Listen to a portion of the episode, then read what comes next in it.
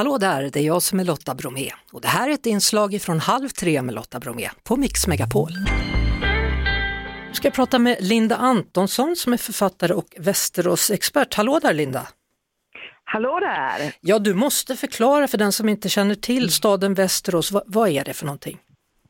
Ja, Västerås är ju den här fiktiva kontinenten som, där då Game of Thrones och nu House of the Dragon utspelar sig.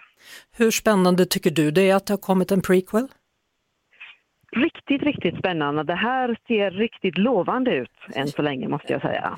Jag tycker att, eh, jag, jag gillade eh, Game of Thrones, men jag tyckte det var jättesvårt att hålla ordning på vilka alla var och hur de var relaterade till varandra och så vidare. Och jag förstår att, eller jag har förstått att även den som skriver serierna och böckerna har lite problem med det ibland.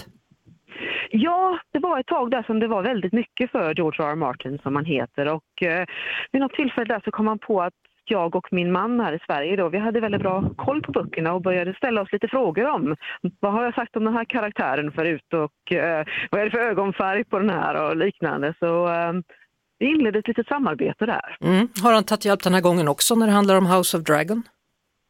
House of the Dragon är ju baserat på ett material som är, redan existerar och dessutom så har han då en, en producent för serien som faktiskt är en riktigt, riktigt inbiten fan också. Så att vi har inte behövt hjälpa till med just tv-serien. Nej. Men, men, om, om jag skulle sitta med dig då skulle jag nästan varannan minut fråga dig, men vem var det nu då och hur gjorde han? Hur irriterande är det för någon som, är, som kan allt? Men det är nog mer kul faktiskt när man får göra det. det man är, vi är så inne i det här och tycker det är så, så häftigt att det har blivit en så stor grej så att eh, det gör vi gärna. Ja. vad, vad tycker du nu om House of the Dragon? tyckte den, de första avsnitten här, jag har sett några stycken faktiskt, är riktigt, riktigt bra. Det här verkligen fångar Westeros och det är bra karaktärer, bra skådespelare, riktigt bra dialog jag tror det här kan eh, bli en riktigt bra uppföljare faktiskt. Visst är den svenska med också i den här serien? Ja, det, det, stämmer. Hon är inte med från början. Hon spelar en äldre version av en av de yngre karaktärerna, så hon är inte med direkt från början. Men eh, hon har en roll lite senare i säsongen. Mm, och du vet säkert vad hon heter dessutom? Ja, eh, skådespelerskan heter Nanna Blondell och hon spelar Lena Valarion. Hur, hur rädd ska man vara om man tittar på den här serien nu då? Är det läskigt? Ja du, det, man, ska, man kan behöva blunda lite i första avsnittet faktiskt om man Oj. är lite känslig av sig. Och eh, man ska inte fästa sig så mycket för, av någon av karaktärerna för det här handlar om ett inbördeskrig. De brukar vara ganska otrevliga och det går åt en del folk längs vägen.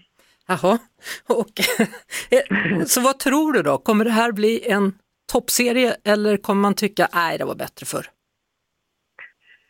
Jag tror nog att det här kan riktigt fånga eh, samma publik och kanske även en del som tyckte att, alltså det är ju drakar från början här, men det, om man tyckte om just det här politiken och familjeintrigerna, då tror jag att det här kommer att passa väldigt bra. Eh, någon drog en parallell till Succession till exempel, att det här är Succession med drakar och ja, gillar man det så kan det nog passa bra. Härligt. Tack så mycket Linda Antonsson och eh, mm. fortsätt med din sajt. Ett rent nöje, tack för att jag fick vara med. Det var det.